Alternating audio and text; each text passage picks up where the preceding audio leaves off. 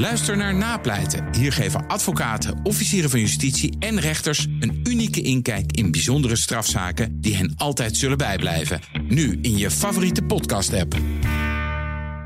De Nationale Autoshow wordt mede mogelijk gemaakt door Leaseplan. Leaseplan. What's next? BNR Nieuwsradio. De Nationale Autoshow. Meindert en Wouter. Het aantal auto-abonnementen schiet uit de grond. En er komt uh, nog een interessante bij. Care to Drive van E.ON, hoor je straks veel meer over. En we hebben ook nog uh, nieuws over de zaak van de stichting Tesla-claim tegen Tesla. Ja, maar eerst blikken we terug op het BNR-autodebat van zojuist. Heb je het gemist? Ja, dat is echt jammer, man. Echt zo zonde. Maar goed, we praten hierbij.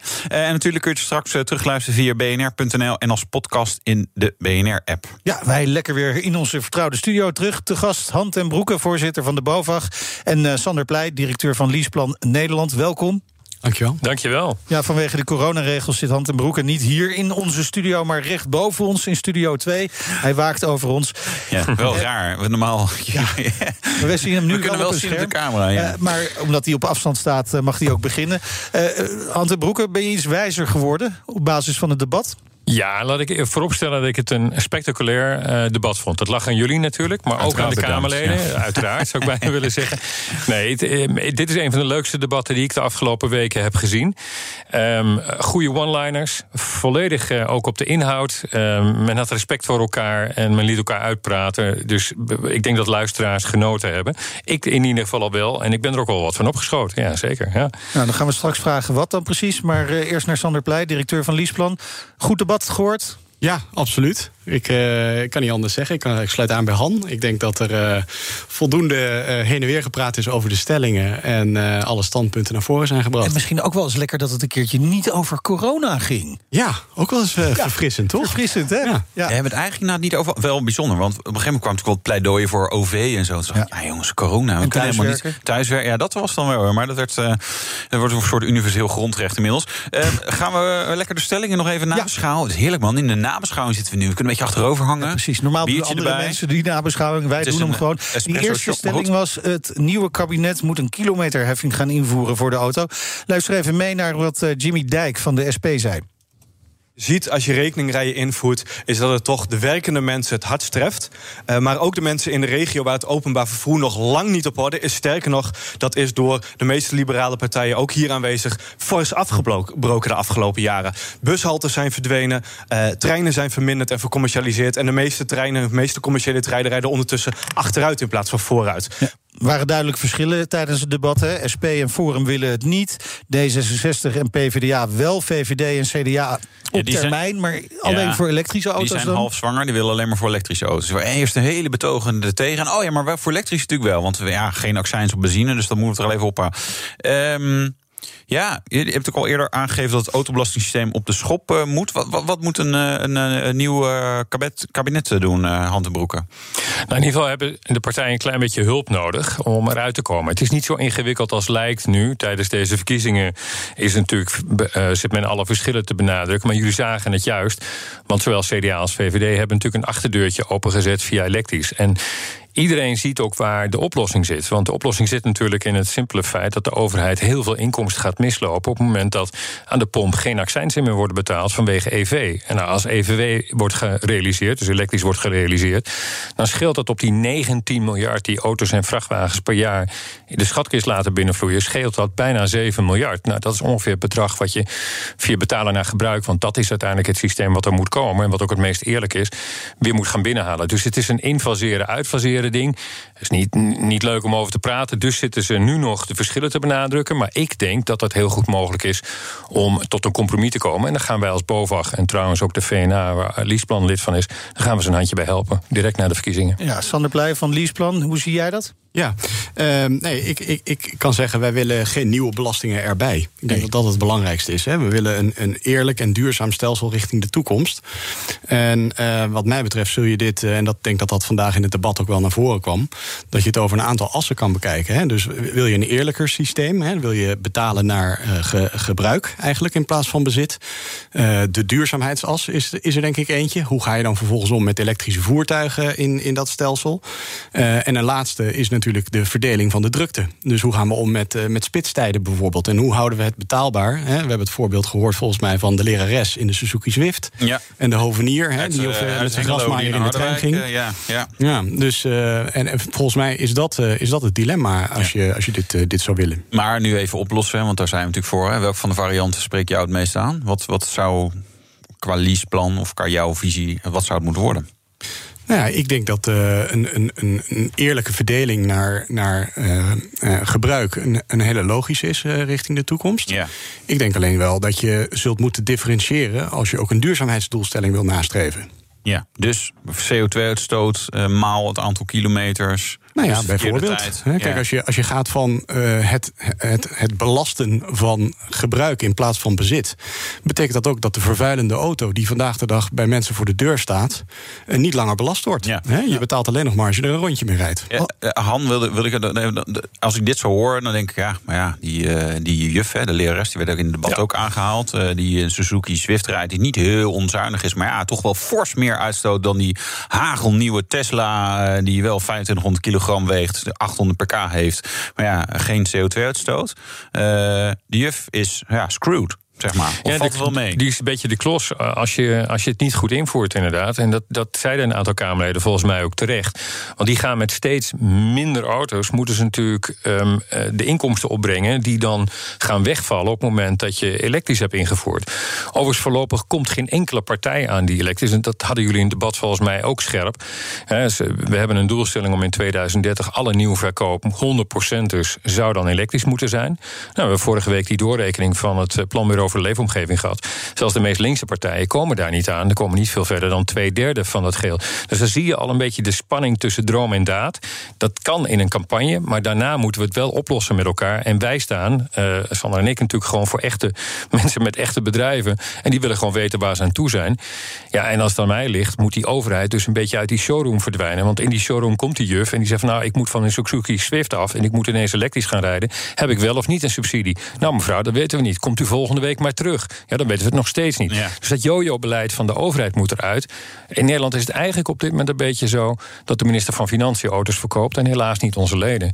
En dat moet anders. Nou, invoeringskosten en uh, de invoeringstijd, uitvoerbaarheid... ook een discussiepunt natuurlijk. Uh, dat is een terecht punt, kan ik me voorstellen, Sander? Ja, ik denk dat je heel goed moet gaan kijken naar de hoe. Hè? En dat het dus uh, uiteindelijk gaat om, uh, om het erbij betrekken van, van, van werkgevers, leasemaatschappijen, uh, auto-industrie. beschikbaarheid van betaalbare elektrische voertuigen als je die kant op zou willen. Ehm, ja, het, het, is een samenspel van veel partijen. En ik denk ook alleen dat je de oplossing gaat vinden met al die partijen. Oké, even wat, wat reacties van luisteraars die het debat hebben gevolgd. direct doen, zegt Ilko van der Meer. Dan koop ik er een trits obscuur voitures bij, waar ik uh, nauwelijks mee rijd. En dan uh, kost het ook weinig. Dat is natuurlijk wel een voordeel. Ja, ja nou, maar als je dan mee wil rijden, kost het wel uh, 3 ja, euro per kilometer. kansloze missie, zegt mobiliteitsexpert. Ja, hier moeten we naar luisteren. Carlo van der Weijer, ja, we kennen hem natuurlijk wel. invoering kost te veel. Ja, daar ben ik ook een beetje bang voor. En de kilometerprijs, 5 cent. Dat moet dan misschien omhoog, hè? Is te laag voor de beloofde effecten. Ja, en Mark met een C die zegt... ik uh, voel een overheids-IT-project aankomen. Ja. ja. daar zitten we natuurlijk absoluut niet op te wachten, uh, Ante Broeken. Nou, het is een systeemwijziging. Daarom is het ook belangrijk om erbij te zeggen... dit hebben we niet van vandaag op morgen. Kijk, dat systeem van betalen naar gebruik... het principe althans, dat moet echt in een volgend regeerakkoord. Niet als een extra belasting, maar als een plaatsvervanger. Want het is het meest eerlijke, transparante en doorzichtige systeem. Die invoeringskosten zijn niet zo hoog als Carlo Weijer telkens beweert. Maar die zitten er wel degelijk aan vast. En er zit ook een invoeringstermijn. Hè. Ik, bedoel, ik heb zelf in die Kamer gezeten. Gemiddelde wetgeving krijg je niet in twee jaar door twee Kamers. Zeg maar van initiatief tot en met een staatsblad. En dan moeten de mensen ook nog uh, willen trekken. Ook. En dit is al twintig jaar een debat. Dus dat heb je niet overnight ge gerealiseerd. Dus ja. dat kost acht, acht en een half jaar. En dan doen we het snel. En dat betekent dus dat je ook niet goed, de effecten daarvan de nu al kunt inboeken. moet dan wel door het volgende kabinet gemaakt worden. Absoluut. Want als je nu die wissel niet omzet dan komt het er niet. En dan ja. komt iedereen nog meer in de problemen. Als belastingbetaler kom je in de ja. problemen. Als belastingophaler, als autobezitter. Uh, iedereen komt in de problemen. Gelukkig, sommige dingen kunnen we wel heel snel. Dus dingen verbieden. Hè. Dat was de tweede stelling. De verkoop van nieuwe benzine- en dieselauto's moet in 2025 verboden worden in Nederland. Uh, en dit zegt Mark Harbers van de VVD. De allerbelangrijkste factor hierbij is uiteindelijk gewoon de betaalbaarheid. Ook dit doel dat haal je weer niet alleen met de mensen die het geld hebben voor een Tesla of een andere dure auto. Dit haal je alleen als er voor iedereen ook betaalbare, goedkope en middenklasse auto's zijn. Kijk vandaag de dag in de catalogusprijzen. Uh, de, nieuwe kleine modellen die er zijn, zijn duizenden euro's duurder dan de uh, fossiele uh, modellen. alleen de, de PVDA is overigens voor van de partijen die hier aanwezig waren bij het debat. Sander Pleij, directeur van Leaseplan Nederland. Is het überhaupt haalbaar? Jullie kijken een paar jaar vooruit, neem ik aan. Uh, ja, zeker. Uh, ik, ik, denk dat als we met elkaar de, de, de, focus erop leggen... dat het wellicht wel eerder kan dan 2030. En er komen steeds meer modellen beschikbaar, ook betaalbare modellen. Ja. Uh, die prijsverschillen waar die Harbers het over 2025? had... 2025 geloof ik niet. Dat is 2030. Ik, okay. dus die zou ik ook willen vasthouden. Als je ook kijkt naar, naar onze eigen bedrijfsdoelstelling... is dat een, in 2030 een net zero emission company zijn. Dus wij gaan voor ja, CO2-uitstootvrij. Wat, wat, wat, hoe, ik heb jullie nou het hart, maar dan denk ik... ja, dat is allemaal mensen met dikke leasebakken. Hè? Het is niet die juf die voor de klas staat in de Suzuki Swift. Die is in principe geen klant bij jullie. Dus in ieder geval niet de zakelijke leasetak. Dus, nee, ja. ik denk dat daar vandaag ook een paar opmerkingen over gemaakt zijn... die heel ja. waar uh, zijn. En dat is uh, het, het, ervoor zorgen van... Ja, die, hoe, hoe, hoe zorgen we er eigenlijk voor dat we die elektrische voertuigen... zo meteen ook als tweedehands in Nederland houden. In de showroom houden. En in plaats van dat ze naar het buitenland vertrekken. En ik denk dat we daar in het verleden helaas een aantal voorbeelden van hebben gezien... van hybride auto's die nu in, in, in Moskou als taxi rijden. Ja, ja, ja heel mooi. Uh, nou liep Nederland natuurlijk wel voorop hè, met elektrisch rijden. En, en nu zegt iedereen, ja, 2025 is niet haalbaar. Zijn we nog wel ambitieus genoeg? Nou, we zijn meer dan ambitieus genoeg. Dus kijk maar even naar de doorrekening van partijen die dat ook van zichzelf zeggen. Vorige week maandag werd het bekend, hè, dat PBL, dat planbureau voor de leefomgeving. Ja, en het spijt me te zeggen, maar welke partijen je ook uh, nakijkt, ze komen niet verder dan in het geval van de Partij van de Arbeid die deze stelling verdedigt, bijvoorbeeld 15 procent uh, van de nieuwe verkoop. Dat is echt nog geen 100 en zeker niet in 225. Dus daar durf ik ook wel van te zeggen, gaat niet gebeuren. En je moet natuurlijk kijken of je dat eerlijk kunt doen. Ik vond het wel opvallend dat drie andere partijen dan vervolgens de erfenis van Job den L hier nog claimen. Ja. Job den L kennen veel mensen niet meer, maar dat was die man die ook nog ooit premier was geweest in het jaar van de autoloze zondag. Misschien dat dat dan nog een oplossing is om de doelstellingen te halen. Dit gaat niet gebeuren in 2025. Ook niet in 2030 overigens, als we niet daar aangepast beleid op hebben. Nou, en dat, wat is daarvoor nodig? Stimulering? Ja, je zult stimulering moeten volhouden, maar niet tegen de markt in. Dus geen outlander-effecten meer, zoals Sander ze net al beschreef, dat die taxi ineens in Moskou terugkomt. Um, je zult stimulering moeten doorzetten. Je zult betalen naar gebruik over acht jaar moeten invoeren. En je zult in de tussentijd, behalve gedragsmaatregelen, inderdaad ook een fiscaal pakket moeten zamelen. Dat is te doen, maar het is erg ambitieus. En dat bewijzen die ja. doorrekening van die partijen die van zichzelf zeggen dat ze ambitieus zijn. Maar ik denk maar dat het haalbaar op, is. Op welke manier dan? Want het wordt ja, het is te doen, maar hoe dan? Ja, het, bedoel, ik kan hier proberen een heel fiscaal plan neer te leggen. Maar ik denk dat je, je luisteraars dan in slaap vallen achter de stuur. Maar dat willen we ook niet een hebben. elevator pitch, je moet het in 30 seconden uitleggen. Anders dan snapt uh, Heel simpel. Uh, het, het, electoraat het ja. sowieso niet. Hè? Nou ja, het is een combinatie van invoeren van betalen naar gebruik. Dat nu al vastleggen in dit regeerakkoord. Ja. Vervolgens met elkaar in ieder geval zeggen... de weg daar naartoe, dat is zo'n 7, 8, 9 jaar die je nodig hebt. Voorspelbare autobelastingen, dat zal heel wat zijn. Want dan kan de markt ook zijn werk doen. Want de markt doet dit wel. En de markt wil ook wel. En de kopers zijn er ook. Alleen die afstand tussen zeg maar, um, wat elektrisch nu nog kost... en wat mensen kunnen betalen, want bereid zijn ze wel... Die moet overbrugd worden. Ja, en er komt nog een groter plan hè, aan van de BOVAG... een belastingplan uh, voor auto's. Dus, Wij gaan zeker uh, met een paar andere partijen... Ja. zitten we natuurlijk gewoon om de tafel om de politici te helpen... zodat ze straks niet hoeven uit te ruilen. Dus wat we in het verleden hebben gezien, als ze negatief gaan uitruilen... dan komt natuurlijk alleen maar ellende uit, zoals kwartje met kok... Okay. en nou, nou, goed, al die andere de, voorbeelden. De duidelijkheid is dat er stimulering nodig is... om ervoor te zorgen dat we in 2030, 2025... strepen maar even door voor de zekerheid. Ja, doorstrepen, uh, gewoon 2030, daar is nog wat voor nodig. Uh, Sander Pleij, uh, hoe, hoe gaan we daarvoor zorgen? Want dan denk ik, ja, dan moet voor, voor jullie markt... die bijtelling gewoon omlaag.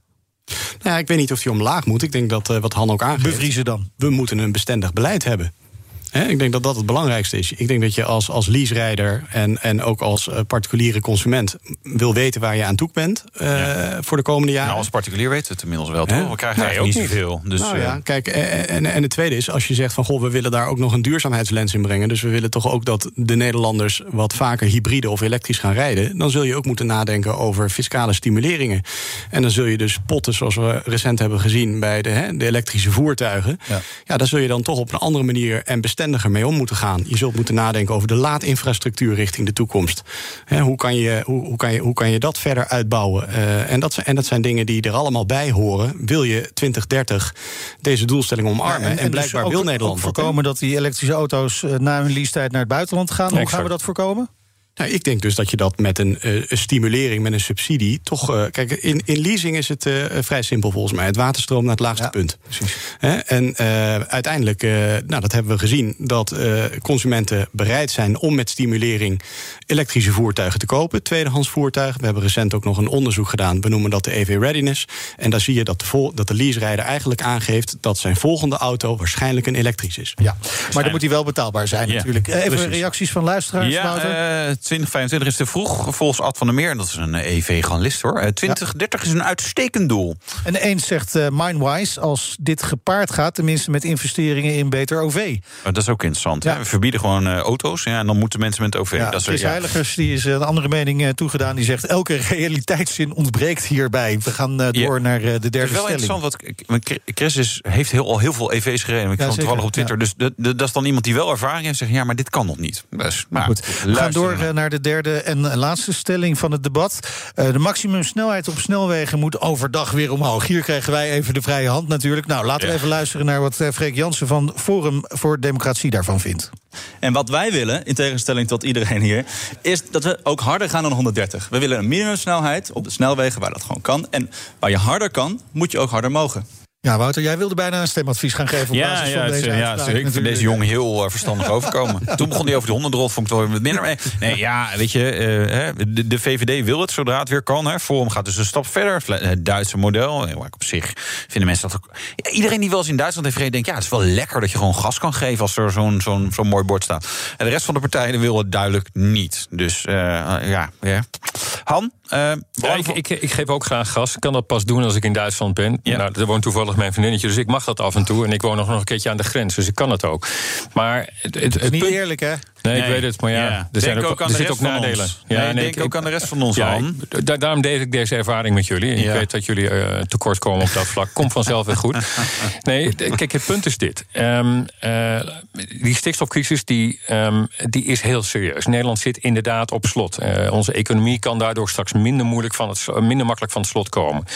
De bijdrage van personenvervoer um, is relatief laag, maar die wordt over heel, heel Nederland gemaakt. Want die wegen liggen overal in Nederland. En die boerderijen, eh, die relatief veel uitstoten, dat zijn er natuurlijk misschien maar vier of vijf die heel lokaal dat doen. Stikstof is lokale uitstoot.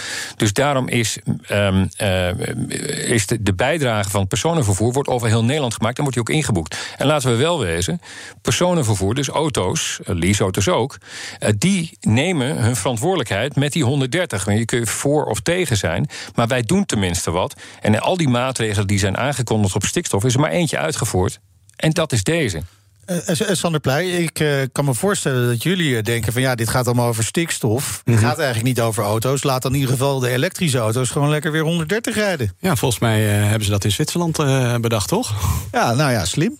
Ja, nou ja, kijk, Moet de politie wel weten welke auto elektrisch is? En nou, volgens mij hebben ze daar wel kastjes voor om dat te monitoren. Dus uh, dat moet goed komen. Dus uh, nee, maar ik, wat, mij wel opviel in het debat is... Uh, het ging inderdaad over stikstof ja. hè, en niet over veiligheid. En, Werd wel benoemd ook? Was wat onderbelicht. Hè? Dus, en en ik, ik denk wel dat als je kijkt in Nederland... we hebben ruim 6 miljoen auto's in Nederland die 11 jaar of ouder zijn.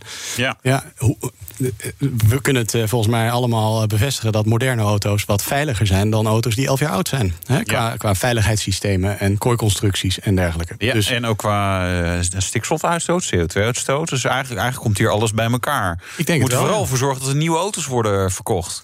Dan lossen alle problemen als, als eh, sneeuw voor de, als de zon op. Ja, Hand en Broeke, is dit inderdaad een, een, een goed punt? Ja, zeker is een goed punt. Je moet overigens wel in de gaten houden dat je hier in Nederland te maken hebt. Als je heel veel verschillende snelheden gaat hebben, die hebben we nu al. Hè. Ja. En als je dan ook nog weer op die weghelft uh, uh, auto's met zeer verschillende snelheden, daar zit wel degelijk ook een verkeersveiligheidspunt bij. Ja, we willen toch ook gewoon graag minder doden. Dat willen wij ook. We willen minder ongelukken. Dat kan ook. toekomstige auto's worden steeds veiliger en steeds moderner. Die ADAS-systemen gaan daar een deel voor, het probleem oplossen.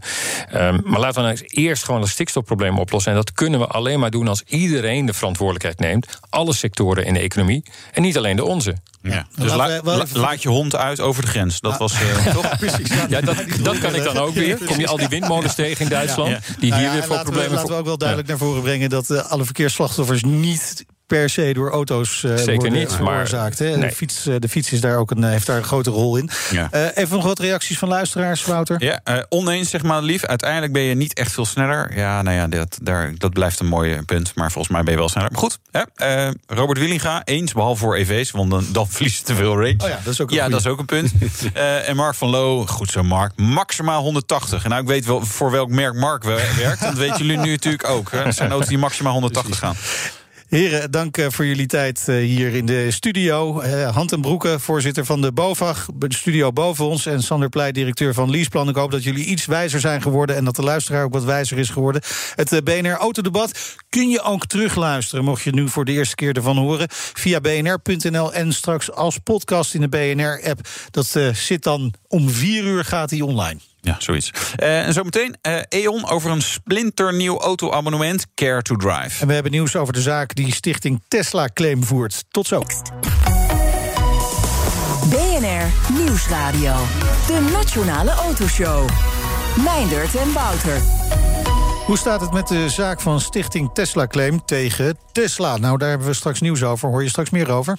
En maar eerst Care to Drive, het nieuwe autoabonnement dat verzekeringsmakelaar E.ON introduceert op de Nederlandse automarkt. En wij hebben de primeur. Yes, natuurlijk. Ja, en te gast is eh, Robert Spaan, Managing Director Business Development bij E.ON. Welkom. Dankjewel, Leuk leuk, dat je om er hier te zijn. Ja, om maar gelijk eh, de koe bij de horens te vatten. Care to Drive, wat is het? Nou, Care to Drive is, eh, is een abonnement. Is bedoeld voor consumenten met een, met een gebruikte auto. Die zij aanschaffen eh, tussen drie en acht jaar oud. eh, en waar zij eigenlijk in een maandelijks vast bedrag eh, hun reparatie eh, en hun vaste onderhoud eh, en slijtage ja, daarmee afdekken. Een soort private lease constructie eigenlijk. Het is, het is een gedeelte van private lease inderdaad op een, op een occasion. Maar is er ook nog een verschil?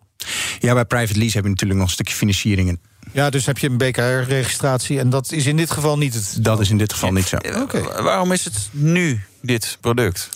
Nou, waarom nu is omdat wij v- na een jaar geleden, we zijn er een jaar mee bezig om te, om te realiseren. En eh, wij zagen dat consumenten steeds meer eh, ja, geneigd zijn om, om abonnementen af te nemen. Dat is één. Twee is uit ons onderzoek wat we gedaan hebben gebleken dat consumenten heel veel frustratie hebben als zij naar een dealer gaan voor onderhoud of voor iets anders. Dat ze ja, gewoon, gewoon balen van die onverwachts hoge kosten. Ja. Dat ze daar buikpijn van hebben.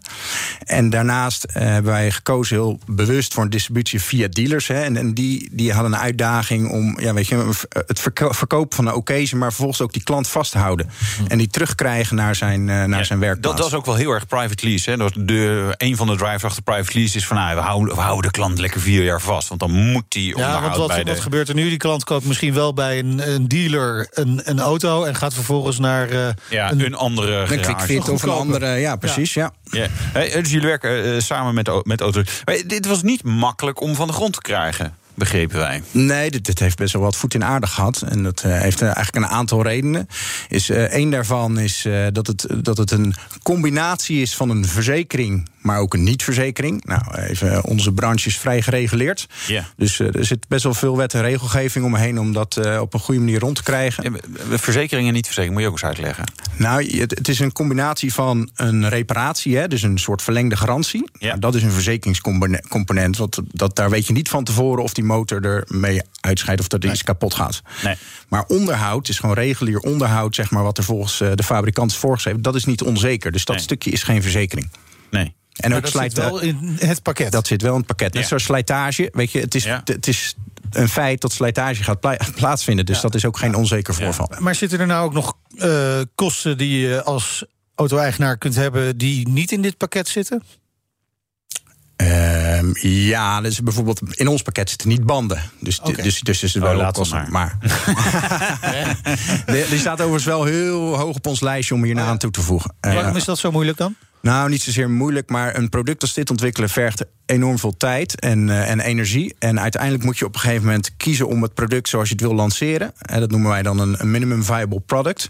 Vast te zetten en daar naartoe te werken. Ja. En het risico is dat je dat telkens gaat, gaat vergroten. En dan komt het nooit af. En dan kan je dus ook niet live gaan. Dan kan je er ook niet van leren. Nee, precies. Je moet een keer gaan beginnen. Ja. En die, die combinatie, zeg maar, niet verzekering en niet verzekering, dat maakt het dus ook weer regeltechnisch en zo ingewikkeld. Ik Ja, dat- je eigenlijk in je verhaal. Ja, precies. Dus, dus dat, hè, dat, dat, die complexiteit, dat is één. Eh, twee is eh, het feit dat, je, dat we dit in een, eh, eigenlijk een, soort van ecosysteem gemaakt hebben met partners. Dus wij moeten data betrekken van een partij die gaat, ja, die gaat voorspellen. Hè, die eigenlijk ons gaat voeden met informatie van welk, welk onderhoud gaat er voor deze specifieke auto plaatsvinden. Ja. Wat kost dat?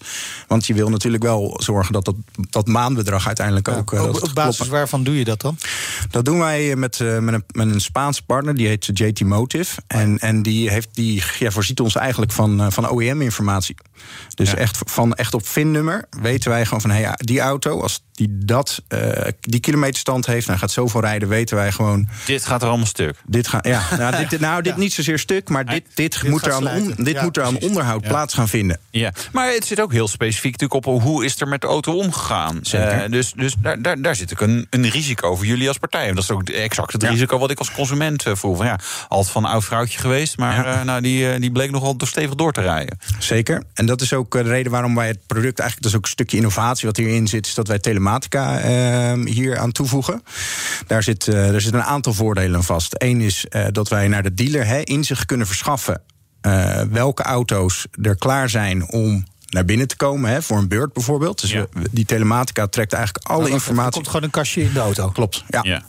Die meet hoe eh, diep eh, Wouter het gaspedaal indrukt. ja. En dan met camera's of van een grote slee. En dan komt er iemand die- waarschuwen. Wouter, je Doe gaat even normaal. Nou, dat, Ja. dat gaan we niet doen. Maar die, hij, hij leest alle technische voertuigdata van die auto, trekt hij leeg. Ja. Hè, dus dus eh, nou ja, alles wat je maar kan verzinnen, overal waar sensoren op zitten. En daarmee kunnen wij ook eh, een, een, een dashboard bieden aan die, aan die dealer om van reactief naar proactief te gaan. Van hey, deze auto die is, die is klaar voor zijn beurt. Die gaan wij proactief bellen. En ze weten ook waarom die naar binnen komt. Twee, daardoor kunnen die klanten ook een veel betere ervaring bieden. Hè, want die auto is minder lang, hoeft die op die brug te staan. Ze weten het van tevoren, dus de auto minder lang klaar. En die, en die wordt verrast als het ware. Dus je krijgt een soort premium gevoel. Net zoals ik bijvoorbeeld persoonlijk als leaseleider, eh, leaserijder heb. hè. Ik lever mijn sleutel in. Ik hoef er verder nergens druk Het over te maken. geregeld. Ja. En ten derde is meer een- meer een beetje strategisch doorkijken naar de toekomst. Is ja, uiteindelijk wil je ook gaan kijken van hey, eh, wie zijn de goede bereiders slechte? En kan je dan ook daar dynamisch in gaan prijzen? Hè? Dus degene die alleen maar eh, zijn rechtervoet laat zakken, Ja. ja, die vervuilt het programma ook meer als degene die, eh, die keurig rijdt. Ja. Is dat privacy technisch allemaal wel goed geregeld? Ja, ja, dat, Ja, dat was een verrassing. Nee, nee, dat hebben we dan niet, eh, dat hebben we dan niet geregeld. nee, dat, dat, eh, eh, E.ON is een beursgenoteerd bedrijf. Dus dat, dat zijn allemaal richtlijnen waar, we- waar ongelooflijk aandacht voor is. Dat is één. En twee, ook onze partner Cross in Automotive, die, die, die data onttrekt. Die, die is ook gecertificeerd rond ISO eh, 27001. Dat gaat over veiligheid. Maar ook uiteindelijk kan die klant zelf kiezen welke data die deelt. Dus één hè, is data, de, de voertuigdata is Ja, ja. verplicht. Ja, maar ja. weet je, hij kan zelf kiezen of die, eh, waar die rijdt eh, en hoe die rijdt, et cetera, wil delen of niet.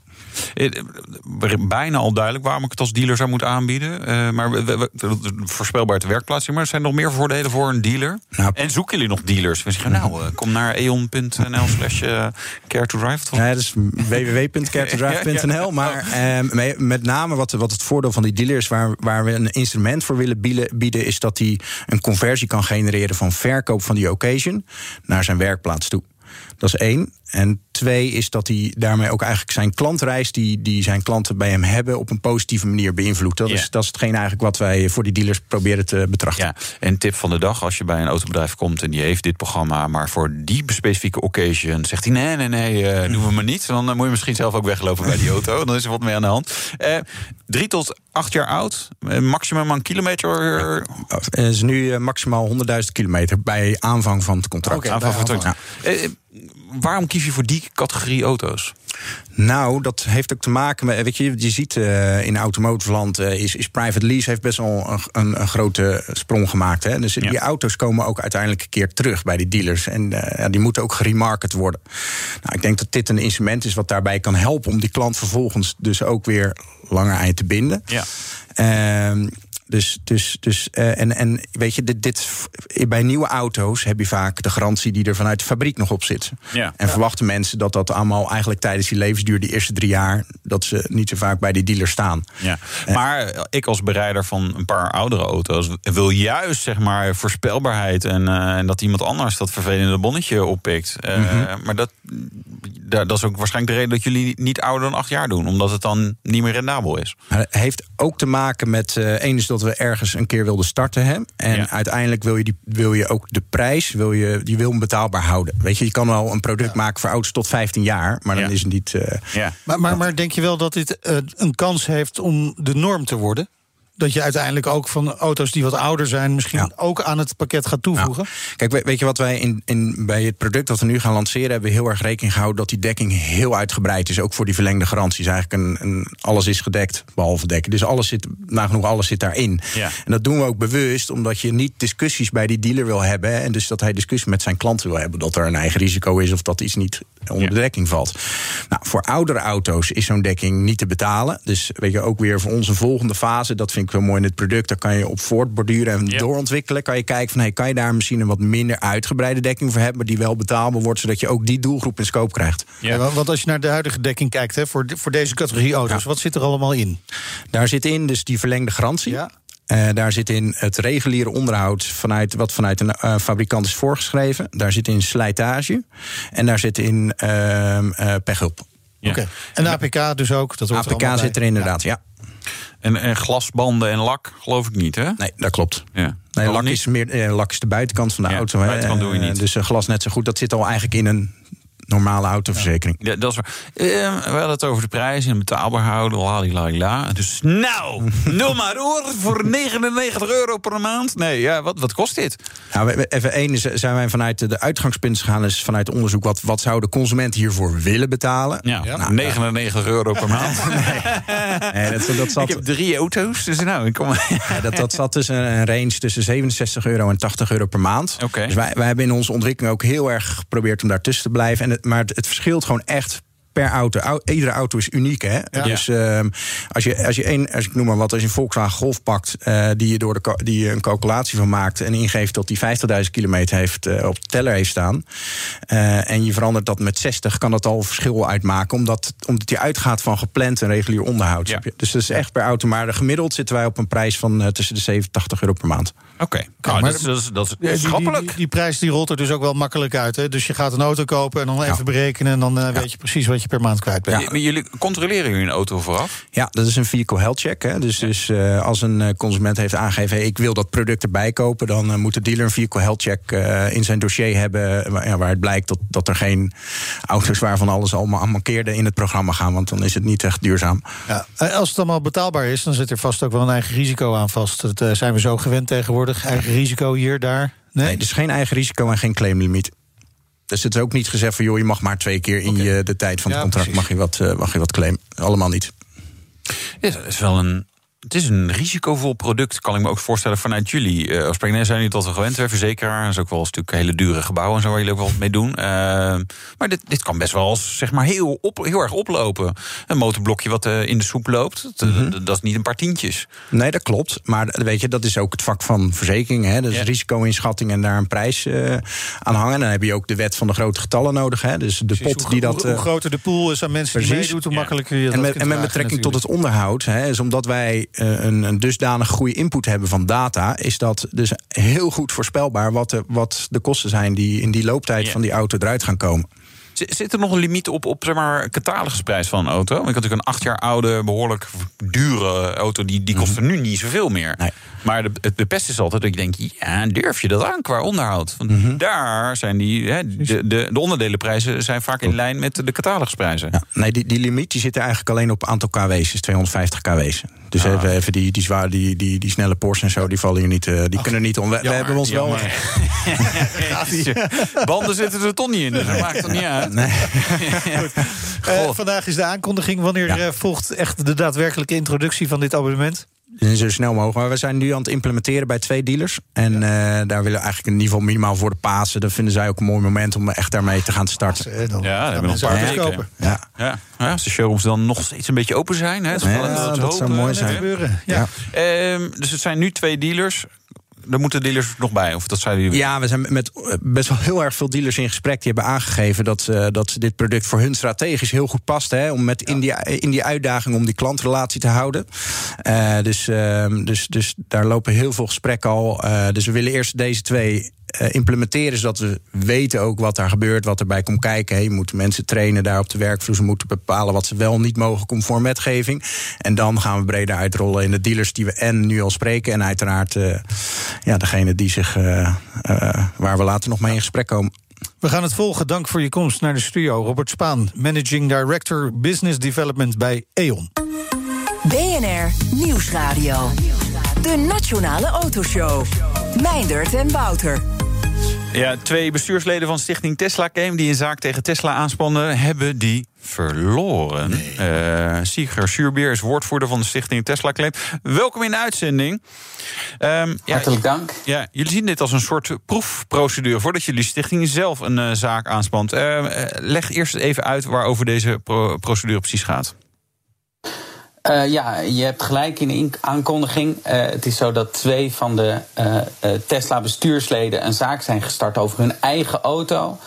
En wat we hebben gedaan namens de stichting om zoveel mogelijk te kijken wat voor argumenten we konden gebruiken, zodat we die later ook in die claimstichting eh, konden gebruiken. En daarom beschouwen we het als een, een proefproces om nou, een kijkje te nemen in de keuken. Wat voor argumenten blijven nou goed hangen? Ja, nou, je leert het meest van je fouten. Dus wat waren de, de minder goede argumenten? Wat eh, is kort gezegd het vonnis van de rechter?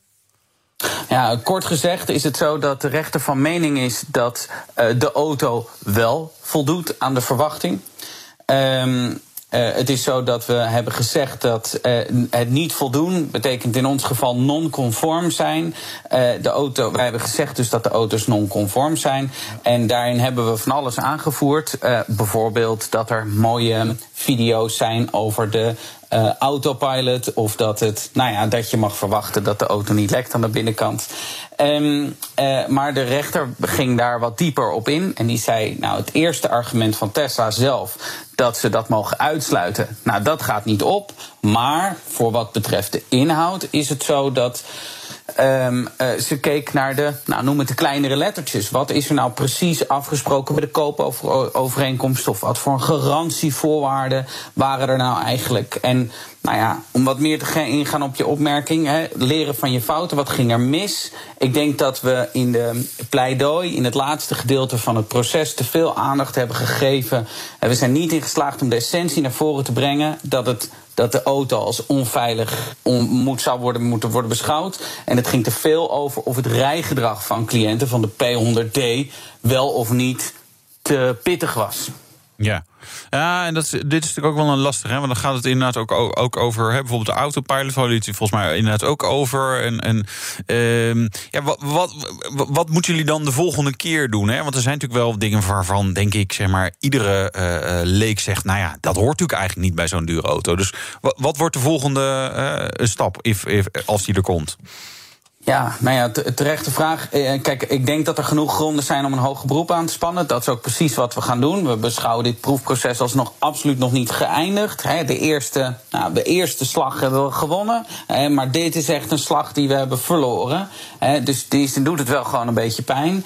Eh, Maar dat wil niet zeggen dat de oorlog is verloren. We gaan er echt vol voor. En in een hoger beroep moeten we dus nog duidelijker eh, aantonen dat de, eh, wat, wat mag je nou van zo'n auto verwachten? En waarom voldoet hij dan niet aan de verwachting? En daar moeten we de aandacht aan le- op leggen. En wat heel fijn is, is dat deze rechter al wel heeft geoordeeld dat Tesla niet in haar kleine lettertjes mag zeggen: Oh, eh, non-conform, het niet voldoen aan de verwachting. Dat heb ik uitgesloten, dus daar is het gat van de deur. dat is het kleine beetje winst, de silver lining van deze zaak. Dat is natuurlijk wel interessant. Eh, op zich zou je kunnen zeggen, Tesla heeft het allemaal goed afgedekt met die kleine lettertjes. Hè. Daar gaat de rechter voor een deel in mee. Maar goed, we weten ook allemaal uit, uit eh, de witgoedbranche dat fabrikanten niet zomaar alles kunnen zeggen en zomaar alles kunnen uitsluiten. Dat je ook mag verwachten dat een bepaald product van zo'n prijs uh, gewoon uh, een bepaalde verwachting aan bepaalde verwachtingen voldoet. Ja, inhoudelijk gezien ten aanzien van de kwestie. Ik vind dat je helemaal gelijk hebt. Kijk, we hebben een vergelijk gemaakt met. Er is in de zaak een vergelijk gemaakt met twaalf tussen aanhalingstekens willekeurige Tesla-rijders. Maar het, het gaat hier niet. Hè, wat, wat mochten die van de auto verwachten? Nee, het gaat hier om de meest exclusief in deze specifieke zaak. De meest. De, is de P100D, de dure variant. Nou, daar, daar, daar, daar is dan de snelste productieauto. Hè, dat, dat was het destijds. Daar mag je verwachten dat mensen op een vlotte manier in rijden. En, en tuurlijk is misbruik daar gaat het niet om. Maar wel gewoon, eh, het is wel een hele stoere sportauto. Dan moet je toch af en toe eens heel stoer mee sport kunnen rijden. Um, ja, dat is tenminste wel waar je zo'n ding koopt. Ja, en het verweer van Tesla was daar kort gezegd... nou nee, vinden wij niet. Of hoe, hoe moet ik dat dan... Ja, ja, ja. nou ja, precies. De, eh, de, de willekeurige Tesla-rijders uh, die rijden allemaal voorzichtiger. En, en, en dus uh, is het, gaat het hier om buiten, of, nou ja, buiten normaal gebruik. En dus moet je verwachten dat hij heel snel stuk gaat. Ja. Nou, dat vinden wij te kort door de bocht. En ik, we hopen dat de rechter in hoger beroep ook echt ja. erkent... dat hier een misslag sprake is van, maar... Ja, je zegt al, slag verloren oorlog nog niet. Jullie gaan in hoger beroep tegen deze uitspraken. Wanneer gaat die dienen? Is dat al duidelijk?